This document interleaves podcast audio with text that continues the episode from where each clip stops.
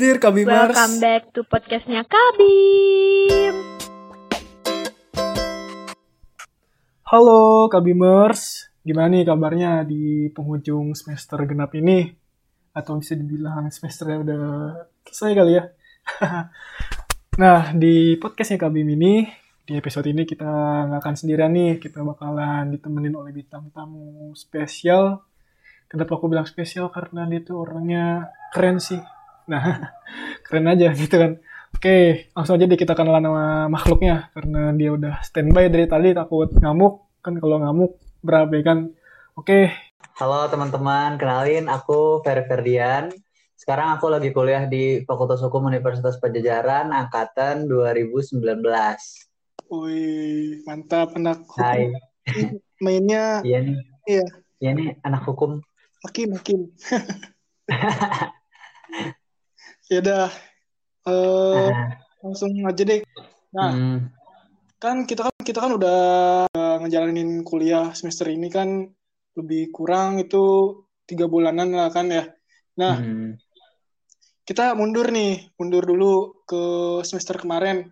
Pasti kan di semester kemarin tuh Ya, kamu tuh punya ekspektasi atau harapan di semester ini dong, ya gak? ah, Nah, ya. boleh tahu gak nih pas pas, pas kemarin tuh ekspektasinya gimana buat semester ini gitu? Oh, jadi waktu aku semester 1, Pas kemarin tuh ekspektasinya gimana buat semester ini gitu?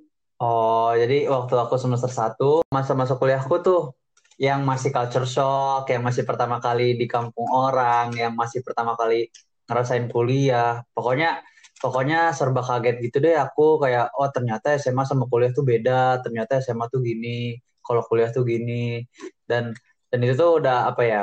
Udah mulai jadi hmm, ada adaptasi lah buat diri aku kayak oh ternyata kayak gini loh kuliah. Nah, pas aku mulai jalanin semester satunya awal, semester satu oh, perlahan-lahan aku jalanin kayak oh susah banget ya ternyata nyari teman di semester di bukan di semester satu di kuliah ini ternyata nyari teman tuh nggak segampang di SMA kayak kayak uh, bisa uh, ngomong-ngomong sama siapa aja jadi kayak enak gitu cuma semenjak aku kuliah tuh kayak nggak tahu kenapa kayak ngerasa waktu semester satu tuh aku belum punya teman. Bahkan kayak buat beberapa biji aja susah banget nyari teman. Kayak buat nyari eh, apa ya ling- lingkaran kecil buat jadi teman deket aja susah banget semester satu. Udah gitu juga eh, aku ngerasa kayak ti- ketimpangan sosial itu lumayan berasa banget kalau di kuliah. Kayak eh, mereka-mereka tuh biasanya golongan A ya golongan A, golongan B ya golongan B. Mereka itu punya apa ya ciri khas masing-masing di antara lingkaran-lingkaran mereka dan aku susah masuk ke situnya. Itu lumayan jadi beban kan. Nah, karena itu aku apa ya mengharapkan di semester 2 itu waktu aku semester 1 aku mengharapkan eh, semoga semester 2 aku tuh apa ya punya beberapa teman yang bener-bener teman, teman yang eh, selayaknya teman lah, nggak nggak yang kenal-kenal doang karena aku ini kan emang basicnya orangnya eh, nggak begitu lebih suka punya banyak relasi, punya banyak kenalan. Jadi jadi buat aku kalau hidup eh, kuliah kayak seperti itu tuh berat banget jalaninnya. Kayak udah udah pelajarannya berat temennya apa ya nggak nggak ada support system lah di lingkaran aku di lingkungan aku. Jadi eh, waktu semester satu aku berharapnya semester 2 aku bisa adaptasi sama teman-teman di fakultas aku sih. Kayaknya aku ingat itu. Oh, mantap. nah. Nah, ini kan tadi kan kata kamu kan eh, kamu tuh pas di semester kemarin tuh berada hmm, di lingkungan yang berat, terus dari hmm, juga lumayan kan ya. Nah, hmm. semester 2 ini udah tercapai belum? Yang dari Alhamdulillah, alhamdulillah uh, walaupun walaupun mungkin emang uh, transisiku dari SMA ke SMA apa dari SMA ke kuliah tuh masih uh, rada ini juga ya karena aku pikir kalau di SMA aku bisa temenan sama semua baik IPA IPS kelas IPA dari IPA 1 sampai 3 IPS 1 sampai 3 itu aku bisa kenal semua. Tapi mungkin mungkin har- aku harus apa ya mengerti bahwa beberapa hal tuh memang nggak bisa disamain sama SMA kayak gitu. Aku nggak bisa kenal semua. Aku karena satu angkatanku aja itu 370-an orang. Maksudnya buat kenal satu kelas tiga bahkan uh, buat kenal satu kelas aja uh, lumayan banyak gitu. Kayak satu dua tiga kelas sih ma- mus- mungkin masih bisa. Cuma kalau satu angkatan tuh ya paling kenal tahu-tahu aja. Dan alhamdulillah ini semester 2 tuh aku udah punya apa ya teman dekat yang bener-bener ada yang, yang tugas lagi susah dia ada. Yang kadang-kadang lagi happy main ke Bandung juga ada. Jadi alhamdulillah itu udah tercapai. Udah nggak jadi beban pikiran lah di semester 2 Gila, gila, gila. Bener sih, setuju sama kata kamu mah yang kan apalagi FH mah kan ang- seangkatan tuh banyak ya. iya banyak banget Itu pasti buat ngapalin seangkatan tuh susah gak sih kan bener. hmm, berat lumayan Eh, ya sekelas sekelas mah masih bisa masih bisa lah kalau sekelas mah kan. sekelas masih bisa Eh, Dan akhirnya kamu udah ini ya apa namanya udah udah bisa melewati itulah mencapai tujuan. Iya. Semua kan. Oke. Nah, dari selanjutnya nih. eh kan kita tahu ya pas di semester ini kan semua aktivitas tuh dialihin ke daring kan. ya Kuliah kan tuh ya. Ada kesulitan atau kendala-kendala tertentu gak sih? Atau bahkan kamu enjoy-enjoy aja gitu dengan sistem kuliah online ini? Kesulitan. Sebenarnya ada plus minus yang aku rasain tuh nggak selamanya nggak selamanya daring tuh buruk. Maksudnya nggak selamanya daring tuh punya efek negatif. Kalau uh, yang aku lihat maksudnya yang aku rasain tuh kayak mungkin sisi positifnya tuh kita lebih fleksibel kayak uh, nggak perlu ke mana-mana buat belajar. Jadi tuh kita tahu tentang kita tuh setidaknya diingatkan lah gitu bahwa kita tuh udah ada di apa ya di zaman yang punya teknologi kayak gini gitu. Belajar tuh bahkan bisa di mana aja. Itu tuh bisa ngingetin kita maksudnya bahwa ada teknologi semacam ini gitu yang belum pernah diterapin di Indonesia. Mungkin kita jadi jadi kenal teknologi lah mungkin positifnya tapi tapi di samping hal itu juga harus apa ya dibarengin sama memang uh, kualitas ininya yang baik, kualitas apa ya uh, pembelajarannya itu kan harus dirombak ulang kan mungkin gimana gimananya kalau buat daring. Nah, yang jadi beban buat aku sih mungkin yang pertama sih uh, uh, yang aku rasain sih uh, kuota ya mungkin buat beberapa teman-teman yang ada wifi itu mungkin nggak uh, jadi beban. Tapi buat bagi gimana buat teman-teman kita yang yang nggak usah deh nggak usah bahas kuota jaringannya aja dulu yang susah. Kayak uh, buat teman-temanku kan ada tuh dari orang yang Tasik dari orang desa yang di Jawa Jawa Timur segala macem. Bahkan dari luar Pulau Jawa itu ngerasa bahwa nggak semua kita kita tuh kita tuh paham bahwa nggak semua nggak semua orang tuh punya apa ya sinyal yang sama sinyal sinyal kuat yang sama buat uh, dapat pelajaran yang sama. Jadi jadi itu lumayan jadi ini loh gangguan buat beberapa mahasiswa yang sinyalnya itu kadang-kadang hilang bahkan yang, yang bahkan buat orang yang keterbatasan uang buat beli kuota itu kan jadi uh, uang uang yang keluar tambahan dari dari kuliah yang seharusnya kita nggak kuliah offline mungkin mungkin tatap muka itu bisa lebih apa ya lebih cair lah suasananya itu bisa lebih murni kita dapat pelajaran dari dosen daripada tatapannya itu dari layar. Dan dan aku yang aku rasain sih eh, selama kuliah bedanya kuliah offline sama online ini kelas online tuh lumayan lebih pasif sih. Ya walaupun di beberapa uh, di beberapa pelajaran enggak tapi uh, yang aku rasain kadang-kadang orang-orang tuh jadi uh, kurang gitu interestnya sama materi pelajaran karena kadang-kadang uh, pelajaran kita kan pagi kadang-kadang bangun pagi tuh kan ngantuk gitu segala macem males mandi nyalain kamera kan. Jadi jadi mood mood belajar tuh kayak terganggu gitu sama sama rebahan-rebahan yang pengen yang pengen sambil tidur gitu. Beda sama kalau kuliah yang berangkat offline ketemu dosen tatap muka itu mungkin jauh lebih efektif kalau menurut aku sih. Gitu.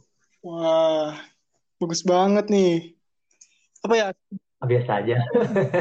Setuju kalau apa ya kan biasa aja setuju kalau apa ya kan kalau misalkan kuliah online begini ya eh, interaksinya hmm. tuh kurang dapet gak sih jadi yeah. dibandingin sama yang tatap muka gitu kita tuh feel untuk interaksi dengan dosen dengan teman berdiskusi dan berpendapat tuh lebih lebih apa ya lebih dapat gitu hype-nya sedangkan kalau misalkan kayak Google hmm. Meet dan Zoom tuh gini itu kayak ya bolehlah maksud lewat layar gitu kan tapi kan kurang gitu kan apa namanya kita mendapatkan terus yeah. tadi kan kamu juga gitu apa ya nyinggung sedikit tentang kuota gitu kan ya kuota hmm. nah sedangkan hmm. kemudian ada distribusi kuota dan sebagainya menurut hmm. kamu itu udah tepat sasaran belum atau gimana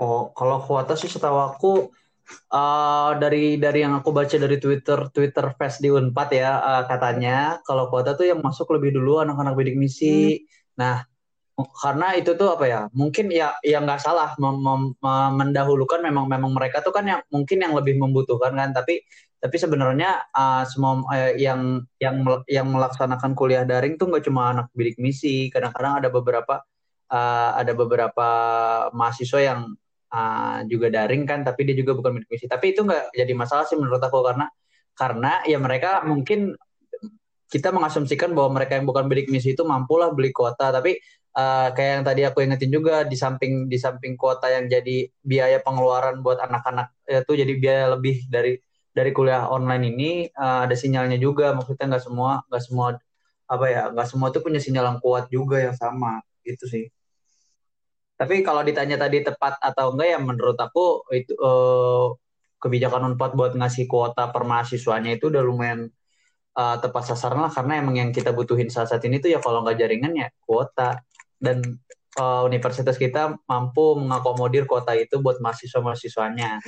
Setuju, setuju, setuju banget, setuju banget. Soalnya kan ya namanya juga online pasti butuh kuota besar. Nah, ah, ya. ya istilahnya kuota lah yang diprioritaskan untuk mahasiswa menjalani ah. kuliah ini kan. Mm -hmm. Ya, kalau aku pribadi kurang tahu juga sih. Lanjut aja deh. Sekarang kan kita udah lewatin masa PSBB kan ya. Hmm. Nah, PSBB pasti kita jenuh dong. jenuh kan. Jenuh sekali, jenuh banget. Di dalam rumah aja, nggak bisa ngapa-ngapain, terbatas. Yeah. Dan ataupun hmm. jadi stuck karena di rumah aja gitu kan. Nah, dari pemerintah pun udah dan menggaungkan new normal kan ya. Uh-uh. Nah, pendapat kamu tentang new normal itu gimana sih? ini ini murni pendapat aku pribadi ya maksudnya tanpa ma, tanpa uh, mengarah ke mana-mana gitu kalau new normal tuh karena dari yang dari yang aku baca-baca berita sih mungkin uh, data statistik tentang apa tentang COVID-19 ini kan masih belum bisa dikatakan aman ya maksudnya kita aja kita aja masih masih ke mana-mana tuh masih masker masih dijagain masih masih PSBB dalam dalam apa ya halusnya tuh masih masih masih tetap diadain PSBB secara halus gitu. Jadi buat new new normal tuh kan mungkin uh, kalau misalnya new normal itu kan nanti kita uh, kalau menurut aku ya new normal itu kayak halusnya herd immunity. Karena karena karena di di kebi, uh, bukan kebijakan di kalau kalau kita menerapkan uh, aku pernah baca berita kayak kalau misalnya nanti kita nerapin herd immunity itu terlalu serem buat aku. Karena uh, menurut yang aku baca herd immunity itu membiarkan uh, membiarkan si masyarakat ini tuh terkena uh, maksudnya ter terdampak virusnya ter ini. Iya iya dia tuh uh, dimasukkan virus lah kalau misalnya herd immunity. Nah kalau misalnya new normal itu kalau menurut aku tuh kayak dia tuh pemerintah tuh uh, lebih halus uh, dalam mem membahasakan herd immunity gitu. Jadi mereka tuh ya udah bebas deh. Yang penting yang penting kalian ini yang penting kalian ini uh, ngikutin protokol kesehatan kan katanya gitu. Nah tapi tetap aja maksudnya itu tuh kan nggak menjamin uh, maksudnya uh, buat aku ya yang awam yang nggak tahu ada berapa ada berapa di rumah sakit itu uh, segala macam COVID-nya dan data-data statistik sekarang aku belum ikutin lagi COVID tapi new normal tuh menurutku masih tetap serem sih. Karena karena ya gimana ya uh, dibiar uh, di, uh, menurut karena ini ini dah intinya. Menurutku new normal itu kayak halusnya herd immunity gitu. Jadi mereka mereka ini ya udah biarin dah uh, mereka mereka keluar normal segala macam. Nah kalau misalnya ada masalah dan segala macam, uh, ya begitu itu udah tanggung jawab mereka karena karena ya kalian kalian tahu sendiri kan kayak masyarakat ini kan udah udah udah mau apa ya udah keluar keluar kalau aduh nggak betah nih di rumah aduh nggak betah nih pengen nongkrong segala macam gitu dan bingung juga. Jadi mungkin kebijakan new normal tuh punya apa ya punya uh, efek tersendiri lah positif negatifnya. Mungkin positifnya kita bisa hidup kayak biasa hidup kayak selayaknya kita uh, sebelum adanya COVID ini, tapi mungkin negatifnya itu karena kita nggak tahu itu COVID itu sampai sekarang juga kan masih belum ada vaksinnya dan dan uh, rumah sakit rumah sakit juga masih uh, sedikit kewalahan. Tapi udah ada beberapa daerah emang yang katanya udah beres gitu, udah nggak ada kasus nambah. Tapi semoga aja doaku buat Indonesia itu semoga semoga um, gimana pun kebijakan pemerintah, semoga kasus ini uh, kasus itu semoga pandemi ini tetap apa ya nggak nggak usah lama lah di Indonesia jadi biar kita bisa beneran normal. Kayak gitu. Amin amin. Biar apa ya kalau dari aku sendiri sih membuka sudut pandang baru ya.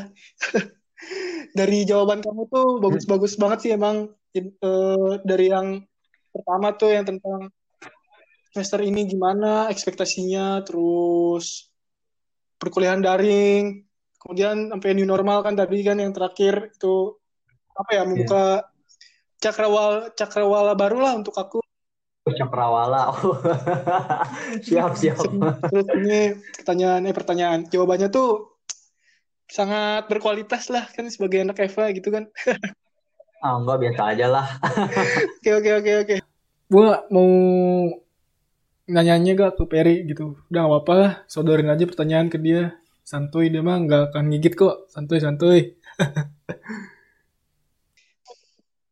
bener, Jadi gini nih, kan tadi Peri udah ngebahas tentang um, perasaannya tentang semester sebelumnya, semester ini. Hmm. Nah, bayangan tentang semester selanjutnya itu bakalan kayak gimana, bakalan seperti apa gitu semester selanjutnya. Jadi aku mau ini nih jelasin maksudnya harapanku buat semester tiga aku. Ya, terus oh, um, iya. bayangan kamu, ekspektasi kamu semester selanjutnya bakalan kayak gimana? Oh ya, boleh. Uh, dari yang aku apa ya, aku juga kayak masih masih ini nih simpang siur, masih bertanya-tanya kayak gimana sih semester tiga nanti di Unpad tuh apakah bakal offline atau online? Ada yang bilang katanya online, ada yang bilang juga katanya offline. Terus ada juga yang bilang katanya dia tuh mix offline sama online. Itu tuh aku aku apa apa bingung lah yang mana gitu belum. Karena mungkin aku juga yang malas membaca kan di kala mager-magernya ini kayak udah udah mau mau liburan semester udah kayak udah pengen istirahat lah rehat dari semester dua yang lumayan melelahkan ini gitu.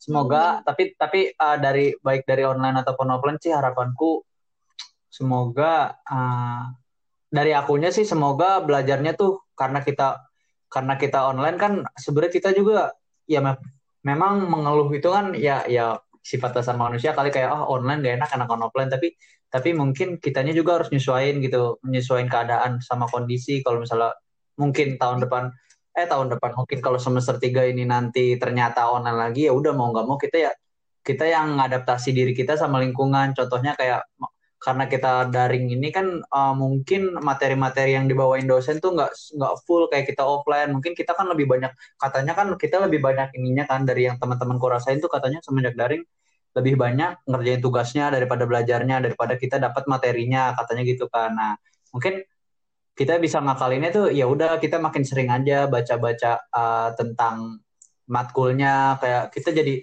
kita jadi punya effort lebih lah buat dapat uh, materinya itu. Jadi kalau misalnya kita biasanya tuh udah disuapin dosen, oh materinya gini gini gini, tapi terus nanti kalau misalnya online lagi, ya udah mau nggak mau kita uh, mau nggak mau kita tuh harus belajar lebih dari yang kemarin gitu karena kondisinya kan kayak gini kan. Habis kalau kita ngeluh juga gimana ya? Ini kan IPK kan urusannya udah masa depan. Maksudnya kalau kita kita ngeluh tuh nggak nggak menyelesaikan apa-apa. Maksudnya kayak oh ngeluh banyak tugas segala macam. Kalau misalnya kita juga nggak belajar juga ya sama-sama aja maksudnya mau mau mau nyalain pemerintah mau nyalain uh, rektorat mau nyalain itu maksudnya tetap aja kalau kitanya emang basicnya males ya yes emang susah juga mau mau pembelajaran kayak gimana pun jadi pelajaran jadi yang aku harapin sih semoga aku bisa lebih rajin baca lagi di semester uh, depan kayak buat banyak-banyak baca uh, apa ya baca ini jurnal-jurnal atau atau buku-buku bacaan gitu literasi semoga aku tuh bisa lebih lagi dan dan apa ya semoga dosen-dosen yang di yang udah maksudnya kan semester ini kan udah udah jadi pelajaran nih buat dosen kalau misalnya oh ternyata kuliah online gini-gini dapat uh, semoga ke depannya di semester tiga itu dosen-dosen tuh bisa apa ya mengevaluasi dari semester 2-nya bahwa kalau misalnya Zoom biasanya anak-anak nih gini, misalnya anak-anak dikasihnya Google Classroom biasanya anak-anaknya gini. Nah, semoga dosen-dosen tuh bisa apa ya mengevaluasi hasil kemarin tuh kayak lebih efektifan mana sih anak dikasih Zoom atau atau dikasih kayak Google Classroom dan dia nyari materi atau ngeringkas. Nah, jadi mungkin harapanku tuh buat dosen-dosen bisa lebih beradaptasi juga uh, maksudnya di, di samping kita juga yang adaptasi semoga juga dosennya bisa adaptasi sama lingkungan yang kayak gini jadi jadi harapannya semoga materi yang disampaikan dosen itu nggak apa ya nggak beda sama kita offline dan juga nggak nggak melulu tugas. Yaitu mau nggak mau kita rasain sih. Nggak nggak tahu deh kalau kalian. Maksudnya kalau aku sih ngerasainnya kayak lebih banyak tugas segala macam. Padahal kalau kuliah offline tuh kayaknya nggak segitu banget. Cuma ya jadinya jadi jadi dorongan aja buat aku kayak ya udah kalau kayak gini mau diapain lagi? Belajar aja yang banyak maksudnya. Daripada IPK turun kan. Ya gitu Iya benar. Semoga ya semuanya harapan-harapan kamu itu terkabul. Gitu. Amin. Terus semoga juga Bapak Ibu dosen Waduh, dengerin serem, podcast serem kita banget. ini biar bisa jadi evaluasi Amin. deh buat bareng-bareng gitu ya nggak sih? serem ya didengar dosen. Wah takut ntar aku dicari lagi. Wah ini siapa nih anak? Ini mahasiswa siapa nih? So tau nih. Ya. Ya. Nah, ya, ya dosen, gitu dosen, dosen kita mengerti lah ya kan uh, problematika mahasiswanya. Gitu. Mm -mm, benar. Uh. Ya, paham banget gitu ya. nah, ngomongin balik lagi nih ke semester ini, kamu ngerasa progresif nggak sih? Enggak. Terus kayak organisasi tetap jalan Enggak. atau aku ngerasa itu tetap jalan atau uh, kayak yang aku rasain pen, gitu semester ini kan berhubung semester ini kan aku uh, kali pertamanya aku ikut organisasi sebesar uh, BEM kan kayak organisasi yang lumayan punya apa ya banyak proker segala macam itu tuh berepek. Walaupun aku tuh kan nggak uh, punya proker tapi aku ikutan beberapa panitia yang dipercaya jadi kepala divisi. Jadi lumayan uh, efeknya tuh ini loh aturan aturan proker proker yang kita jalanin tuh maksudnya udah jalan sekarang ini tuh harusnya udah udah kayak jalan bolak balik gitu. Kayak aku uh, prokerku tuh harusnya udah jalan. Tapi sekarang gara-gara covid ini pun kayak pengajuan pengajuan proposal ke dekanat juga udah berubah jadi online segala macam. Kayak semua semua semua tuh berubah. Kayak uh, bahkan kita tuh masih belum ada kepastian kan kalau misalnya semester tiga pun prokernya bakal bisa jalan atau enggak. Atau karena masih belum ada penjelasan tentang online atau offline kuliah kita jadinya semua terhambat. Kayak harusnya kita bisa lebih apa ya BEM itu bisa selayaknya badan eksekutif kayak uh, selayaknya kita bekerja tapi sekarang tuh dari jauh-jauhan. Jadi cuma bisa ngeposting-posting uh, BEM tuh kayak cuma bisa ngeposting-posting kajian segala macam dan hal-hal yang hal-hal yang online lah yang masih bisa dilakukan. Kalau misalnya yang offline offline gitu kayak lomba segala macam itu terhambat banget. Kayak panitian-panitian itu aku oh, lumayan terhambat gitu. Tapi kita masih apa ya masih setidaknya berharap kalau misalnya dengan harapan kayak kita masih ngirim-ngirim proposal terus siap terus terus apa surat izin kegiatan tuh masih ngirim-ngirim. Tapi uh, pernah dapat balasan tuh kayak uh, coba dievaluasi lagi buat uh, ketua pelaksananya gitu. Apakah semester depan tuh memukiri buat kita melaksanakan proker ini gitu-gitu deh pokoknya. Jadi masih banyak uh, ketidakpastian yang belum jelas gitu. Makanya aku ngerasa organisasi di tahun ini tuh kayak nggak selayak organisasi gitu yang tempat ngumpul kerja rapat kerja rapat segala macam. Jadi jadinya terbatas gitu. Jadi aku nggak bener-bener ngerasain uh, jadi anak organisasi gitu. Nah ngomong-ngomong tentang itu harapan apa? dari buat uh, kabimers apa nih? Harapan buat kabimers atau buat kabim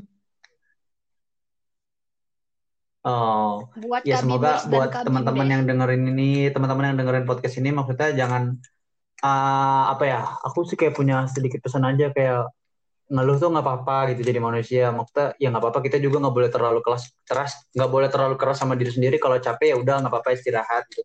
Yang penting jangan berhenti, jangan kadang-kadang ada beberapa orang yang kalau capek gitu kayak dia ngeluh kayak sampai nangis-nangis. Bahkan beberapa temanku tuh kalau cerita tuh kadang ada yang udah saking capeknya tuh sampai nangis-nangis setiap malam gitu. Kayak kuliah tuh berat banget kayak gini segala macam. IPK gimana? Terus buat teman-teman kabimers juga yang di umur segini tuh udah apa ya udah takut banget nih sama masa depan. Kayak di umur aku yang sekarang tuh aku udah kayak tegang banget nih sama masa depan. Gimana nanti kalau aku nggak jadi orang? Gimana nanti maksudnya gimana nanti kalau aku nggak bisa jadi orang yang sukses dan ngebanggain orang tua? Karena uh, dengan kita kita ini sebagai maksudnya kabim kabimers gini maksudnya para orang-orang yang kuliah ini di apa ya uh, dibiayai uh, negara maksudnya negara ini mengeluarkan uang itu buat kita dan maksudnya ini tuh kesempatan buat kita buat kita tuh bisa apa ya manjat status sosial gini. Karena satu-satunya karena zaman dulu tuh kalau orang mau mau berubah status sosial tuh susah karena kerajaan kan. Kalau bukan kalau dia bukan anak raja ya udah hidup tuh gitu-gitu aja sampai tua. Nah kita kita nih di zaman yang udah modern ini tuh gitu kita udah dikasih kesempatan nih buat bisa buat buat bisa manjat nih status sosial buat kayak nanti nah lewat lewat apa? Lewat pendidikan. Makanya uh, aku tuh berharapnya buat kita kita nggak maksudnya ini juga buat self reminders aku juga maksudnya karena kita udah di kita udah termasuk salah satu orang yang diberikan kesempatan nih buat bisa ngenyam pendidikan sarjana maksudnya semoga uh, uh, uang uang gitu dan fasilitas-fasilitas yang diberikan oleh negara buat kita tuh nggak disia-sia nggak disia-siain dan semoga uh, uh, semua semua ketakutan-ketakutan kalian tentang masa depan itu bisa bisa apa ya bisa diatasi dengan dengan dengan proses yang kita jalani ini sekarang. Maksudnya pesan-pesan aku sih uh, yang tadi kayak jangan terlalu keras sama diri sendiri takut sama masa depan tuh boleh. Tapi di samping itu kita juga harus jalani nih prosesnya. Kayak kita ya nggak ada nggak ada sih orang yang langsung sukses. Maksudnya kalau misalnya kita susah nih belajar matkul ini atau matkul itu ya udah nggak apa-apa kita jalanin dulu aja. Mungkin ada beberapa hal yang emang nggak bisa langsung kita atasin gitu. Mungkin mungkin butuh waktu beberapa karena karena gini loh kalau misalnya kita banyak iri nih sama teman-teman oh dia dia di kelas pinter dia di kelas aktif banget. Nah sementara aku kayak diem pasif segala macam mungkin jangan jadiin jangan jadiin itu tuh kayak uh, kamu uh, uh, beban. Ter kamu takutnya ngejelek-jelekin diri sendiri kalau oh aku nggak pinter nih aku kayak gini. Aku kayak kenapa sih beda banget sama teman-teman aku yang pintar maksudnya jangan kayak gitu karena pada dasarnya kita tuh apa ya nggak nggak mencepet-cepetan buat nyampe ke titik ujung. Yang penting tuh kita sampai dan kayak uh, filosofi kalau bunga aja mekarnya nggak barengan. Ini berhubung yang ngomong juga bunga kan nih. Jadi kita pakai filosofi bunga bahwa bunga tuh mekarnya nggak barengan loh. Bunga tuh maksudnya punya waktu tersendiri buat sampai titik mekarnya. Jadi jangan pernah minder gitu sama diri sendiri kalau lagi uh, insecure kayak segala macam. Oh kalau uh, dia lebih aktif segala macam gitu. Jadi semoga ketakutan-ketakutan kita nih tentang masa depan buat di umur segini tentang bagaimana nanti uh, membahagiakan orang tua lah dengan segala macam maksudnya karir segala macam semoga bisa apa ya jadi uh, jadi acuan lah buat kita tuh belajar lebih serius ya gitu sih Amin. Amin. Iya, jangan Lebih jangan jangan jangan terlalu keras deh sama diri sendiri maksudnya. Intinya gitu. Love yourself. Mm, paham. Yes, love yourself. Ya, love yourself. ya. Gimana tuh Fami? Sekali lagi makasih untuk Peri kan udah meluangkan waktunya sama buat ngobrol sama Bunga yeah. gitu kan. Jadi bisa yeah. sharing-sharing ya enak juga kan ya hmm. jadi apa ya bagi aku pribadi juga terpukau sih kagum sama sosok Perry ini ya waduh waduh waduh terpukau ngeri banget Iya, sumpah cara, bunga juga setuju kan sama aku tuh. Kayak masuk banget gitu loh. Waduh, waduh, parah gue dijilat nih. Yo, makasih ya Peri udah luangin waktu. Semoga Yaudah, kuliahnya lancar dan Kabimers, terima kasih sudah mendengarkan podcastnya Kabim kali ini. Sampai jumpa di kesempatan selanjutnya.